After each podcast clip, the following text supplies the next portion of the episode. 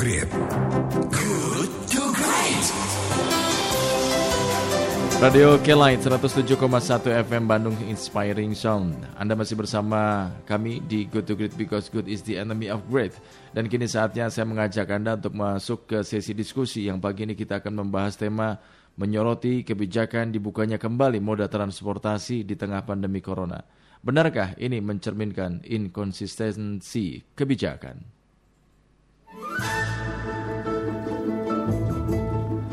Meski wabah corona belum mereda, pemerintah kembali membolehkan berbagai moda transportasi umum untuk beroperasi mulai Kamis 7 Mei kemarin ya. Termasuk juga mengangkut beberapa jenis penumpang yang keluar masuk dari wilayah zona merah. Nah, Menteri Perhubungan Budi Karya Sumadi kebijakan tersebut juga dimaksudkan agar perekonomian nasional tetap berjalan. Jadi dimungkinkan semua moda angkutan udara, kereta api, laut, bus untuk kembali beroperasi dengan catatan harus menaati protokol uh, kesehatan. Tetapi kendati demikian moda transportasi tersebut tidak diperkenankan bagi masyarakat yang ingin uh, mudik ya. Nah, persoalannya sekarang adalah ketika ini belum uh, pulih bahkan masih terus meningkat pandemi eh, penularan virus corona, justru ini dibuka kembali. Sejauh mana dampaknya terhadap penularan virus corona ini? Kita akan berdiskusi dengan beberapa narasumber. Yang pertama yaitu dengan Dr. Dr. Denny K. Sunjaya DSSS, Ketua Program Studi Magister Ilmu Kesehatan Masyarakat Universitas Pajajaran Bandung. Assalamualaikum, selamat pagi Pak Denny. Selamat pagi Kang Iju, selamat pagi sahabat Kilain. Selamat pagi juga, terima kasih. Apa kabar Pak Denny Anda? Baik, hari oh. Senin, penuh semangat. Oh, semangat terus ya. Eh, Pak Denny, ini kan meski wabah corona belum reda ya, bahkan ya. terakhir itu malah terus bertambah. Pemerintah kembali memperbolehkan berbagai moda transportasi umum untuk kembali beroperasi mulai Kamis 7 Mei kemarin. Bagaimana ya. Anda melihat dari perspektif uh, ilmu kesehatan masyarakat ini? Baik, oke. Okay. Um, sebetulnya saya tidak ingin nanya dari kesehatan masyarakat. Oke. Okay. Tapi juga secara umum dari kebijakan publik. Oke, okay, ya. Uh, dari sisi kesehatan masyarakat jelas ini sangat bertentangan. Ya. Mm-hmm. Uh, artinya uh, ini akan menimbulkan risiko adanya gelombang baru dari pandemi atau wabah di negara kita. Mm-hmm. Nah, ini adalah suatu yang uh, membahayakan, ya. Yeah. Artinya bakalan uh, banyak lagi yang akan terkena dan akan banyak lagi risiko-risiko eh, korban dan bagi sistem pelayanan kesehatan juga risikonya akan sangat tinggi sekali. Hmm. Nah, ketika kita mengambil keputusan uh, yang terbaik dari yang terburuk, yeah. maka uh, hal ini bisa dimengerti. Ya. Hmm karena uh, bisa jadi ada perhitungan-perhitungan hmm. di mana bila mana cara-cara untuk mencegah transmisi yang sangat ekstrim tidak bisa dilakukan, maka akan muncul suatu akibat yang baru dengan akibat yang lebih buruk. Hmm. Uh, yang kita lihat adalah satu contohnya adalah di Amerika. Hmm. Amerika kurang gimana canggihnya, kurang gimana majunya, kurang gimana kesiapannya. Iya. Sekarang yeah. di dunia kan paling tinggi ya permasalahannya paling tinggi kematiannya dan seterusnya. Dan orang-orangnya juga nggak mau diatur. Yeah. Nah, ini permasalahannya eh, satu negara dengan negara yang lain berbeda-beda. Satu variabel yang harus diperhitungkan tidak hanya dari aspek epidemiologi, yeah. tapi juga dari aspek psikososial, aspek sosial, aspek perilaku masyarakat, hmm. aspek ekonomi. Hmm. Saya uh, sedang bertanya-tanya justru, ya, uh, apakah ini memang yang sudah diperhitungkan oleh eh, pemerintah pusat atau gugus tugas di tingkat nasional Hmm. Atau eh, apakah ini suatu apa namanya eh, ada kepentingan yang besar dari Hmm. salah satu atau salah dua elit gitu kan ya Iya, iya. untuk eh, apa namanya melindungi kepentingan mereka Mhm. itu adalah politik. Mhm, Oke. mhm. Jadi saya ingin kembali lagi kepada kesimpulan sementaranya bahwa dari sisi epidemiologi ini sangat eh, apa namanya eh, merugikan. Iya, iya. Dari sisi eh, apa namanya eh, psikososial Hmm. bisa jadi ini adalah keputusan yang cukup tepat. Kenapa? Karena tadi masyarakat kita sudah dibaca, mereka nggak tahan. Ketika nggak tahan akan muncul secara psikososial nih ya, Iya, iya. akan muncul akibat-akibat baru Hmm. yang kerugiannya sama atau lebih besar ketika kita hanya memperhitungkan variabel epidemiologi. Iya. Oke. Dari sisi ekonomi demikian pula kita lihat eh, banyak sekali eh, apa namanya kerugian-kerugian ekonomi yang dialami oleh individu terutama mereka yang di kalangan kelas paling bawah. Mhm. Nah, eh, di satu sisi kita inginkan ini baik ya eh, dari sisi kesehatan, di sisi lain akan menimbulkan keburukan pada ekonomi masyarakat paling kecil dan juga akan menimbulkan akibat kesehatan berikutnya Hmm. yang sangat panjang. Bisa jadi kemiskinan itu akan berlipat-lipat kembali 20 persenan Iya. misalnya ya. Ada yang memperkirakan kan 12 persen, tapi bisa jadi 20 persen. Mhm. Itu yang kedua ya. Yang ketiga adalah eh, keinkonsistensi. Di dalam peraturan Menteri Perhubungan itu kan tanggal 31 Mei, Iya, yang kereta api bahkan 14 Juni. betul. Eh, ini yang membingungkan kita. Tidak punya data apa saja sih Hmm. pemerintah pusat ini ya sehingga mengambil keputusan seperti itu. Hmm. Karena kalau dari sisi epidemiologi kita sama sekali tidak aman, ya. Hmm. Belum sampai pada eh, pendataran, ya. Kita masih menanjak. Ya. Hmm. Ini juga disebabkan oleh data-data eh, yang eh, tidak eh, lengkap, ya. Eh, nah, ini yang yang jadi masalah. Hmm. Oke. Nah, eh, saya ingin menambahkan dari aspek psikososial, em, memang harus ada semacam eh, tarik ulur ya, Nah, tarik ulur antara kita ditekan untuk apa namanya eh, melakukan social distancing, Iya. kemudian dilonggarkan sedikit relaksasi kata mereka ya Iya, Eh, relaksasi. yang apa namanya akibat psikososial tidak tinggi Hmm. kemudian di- ditarik kembali nah kalau yang itu bukan inkonsistensi itu namanya strategi Mhm. jadi bisa jadi ya para ahli strategi di negara kita sedang eh, memilih strategi tersebut strategi tarik ulur tarik ulur tarik ulur sehingga apa namanya korban tidak terlalu besar korban akibat eh, penyakit korban akibat psikososial ko- korban akibat masalah-masalah sosial dan korban akibat masalah-masalah ekonomi Tapi terus lalu kalau misalkan itu tarik ulur tarik ulur, sekarang kan jumlahnya terus bertambah ini, eh, Pak Ya. Denny. Malah Ya, malah jadi se- gini, ya masalah jumlah itu bertambah eh, ini juga bias pak. Hmm. kenapa? Karena kita sangat sedikit melakukan testing dan pelacakan tracing ya. Tracing, oke. Ah, ini yang jadi masalah. Kita tidak bisa bilang seperti itu. Oke. Eh, melihat angka yang pada hari ini saja ada bukan berarti itu adalah angka yang hari ini loh pak. Ya. Itu adalah angka bisa jadi dari 10-14 hari yang lalu Hmm. ya ketika kita di, dibilang bahwa positif corona yang hari ini misalnya ada 500 itu bisa jadi dari sampel yang eh, dua hari sampai 15 hari yang lalu Oke. mungkin dua hari bahkan ya 10-15 hari yang lalu Hmm.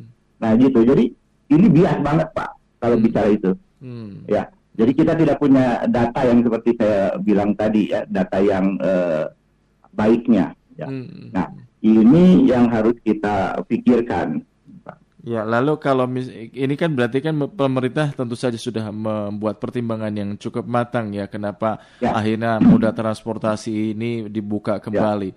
Ketika Ya. ini ternyata nanti justru akan menambah eh, jumlahnya eh, penderita ya positif virus corona, tentu Ya. akan ada evaluasi lagi dari pemerintah. Nah, yang ingin saya tanyakan sebetulnya yang lebih diutamakan itu apakah faktor ekonomi ataukah faktor keselamatan kesehatan masyarakat eh, rakyat gitu? Oke, jadi kalau dari pandangan saya tidak bisa hitam putih. Oke. Ketika Anda bisa melakukan lockdown Hmm. untuk konteks masyarakat Indonesia yang ki- eh, punya apa secara eh, psikososial adalah ingin bebas sebebas-bebasnya kan, Hmm, ya. Nah, itu eh, bisa jadi yang terjadi adalah pemberontakan, ya. Hmm. Pemberontakan eh, kita sudah lihat di Amerika ya orang yang eh, dengan apa eh, liberalisme yang tinggi Iya. itu ya muncul pemberontakan-pemberontakan bahkan pemerintah daerahnya itu sendiri. Hmm. Nah, eh, anda anda harus melihat itu jangan kita membandingkan dengan Vietnam, Hmm, hmm, hmm. jangan bandingkan dengan saya dengan Thailand. Iya. Eh, Vietnam itu eh, kepatuhannya sangat tinggi, disiplinnya sangat tinggi. Hmm. Thailand juga kepatuhannya pada raja sangat tinggi. Iya. Jadi ada sifat-sifat itu dalam bangsa eh, apa di Vietnam dan di Thailand berbeda dengan Indonesia. Indonesia itu sangat beragam, masing-masing punya keinginannya. Hmm. Hasil penelitian saya memang memperlihatkan bahwa eh, ini untuk mahasiswa saja dari 1.500 lebih ya Hmm. responden di, di mahasiswa. Artinya ini orang yang cukup berpendidikan.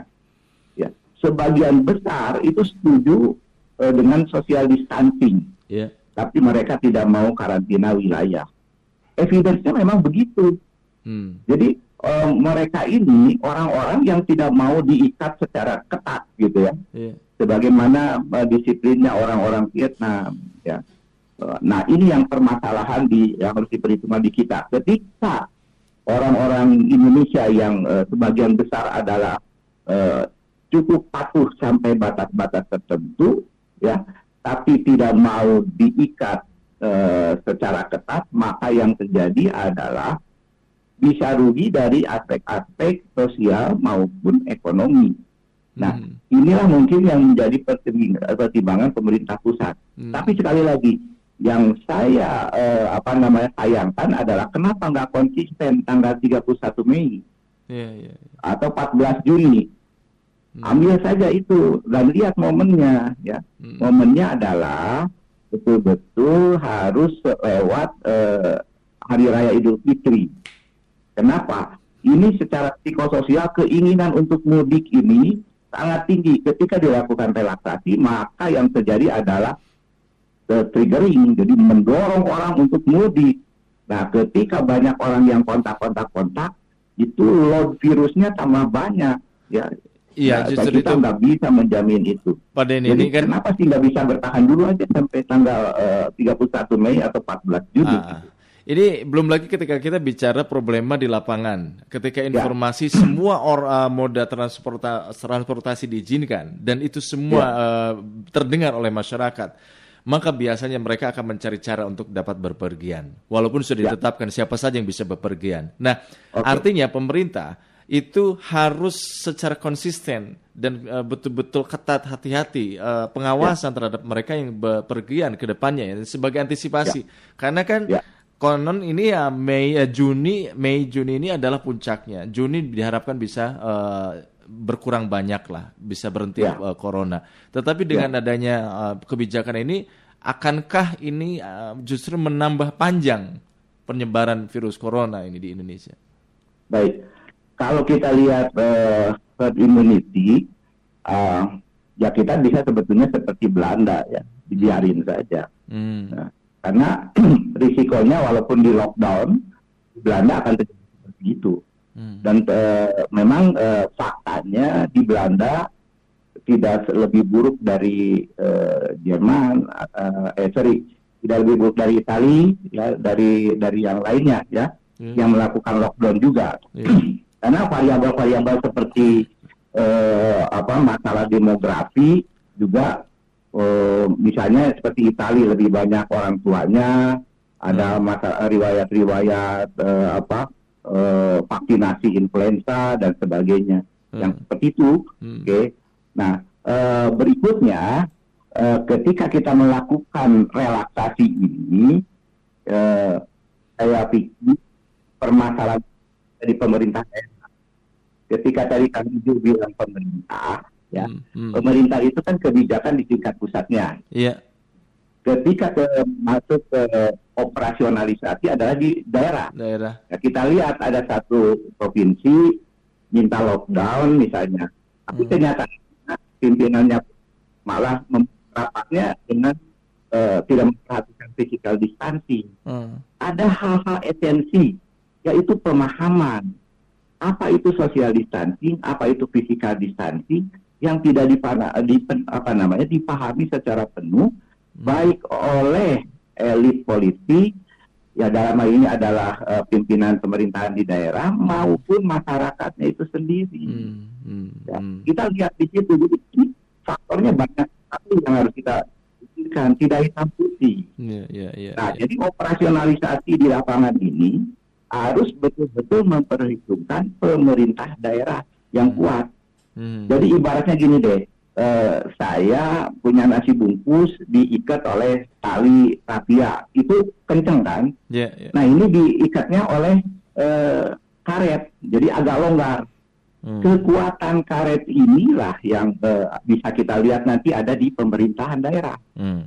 Nah, Hmm. pemerintah daerahnya ini mampu nggak eh, me- me- apa namanya betul-betul me- menjaga kendali ya apa social distancing dan physical distancing. Iya, iya. Ya.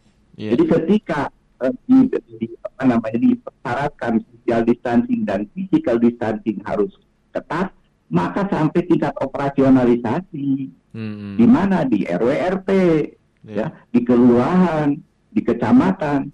Tapi apakah mereka akan paham ya? Eh, pembelajaran saya selama se- bertahun-tahun be- dengan pemerintahan daerah butuh waktu antara enam bulan sampai satu tahun agar pemerintah di tingkat operasional paling bawah itu paham apa yang diinginkan oleh pemerintah pusat. Hmm. Itu pun dengan. Cukup lama juga transfer knowledge-nya ya. Oh ya, ca- eh, ini perubahan perilaku yang Perilaku. diinginkan itu lama banget ya. Hmm. Nah inilah eh, sosialisasi. Ya. Hmm. Sosialisasi ini beda dengan diseminasi informasi. Ketika pemerintah pusat bilang bahwa eh, kita sudah memberikan sosialisasi, kita lihat dulu apakah itu sosialisasi atau diseminasi informasi. Sebagian besar yang disampaikan adalah diseminasi informasi Hmm. bukan sosialisasi. Sosialisasi itu apa?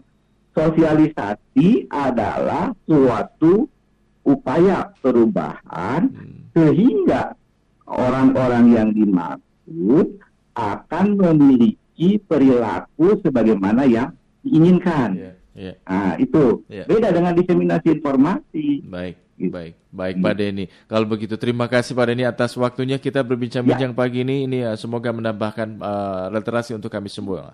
Baik. Ya, tetap social distancing ya dan Siap. physical distancing. Baik, terima kasih Pak Denny. Selamat pagi, Kami- sukses kami. untuk Anda Pak Denny. Ya. Assalamualaikum warahmatullahi wabarakatuh. Demikian Waalaikumsalam warahmatullahi wabarakatuh. Demikian sahabat kita Dr. Dr. Denny Kasunjaya DESS, Ketua Program Studi Magister Ilmu Kesehatan Masyarakat Universitas Pajajaran Bandung.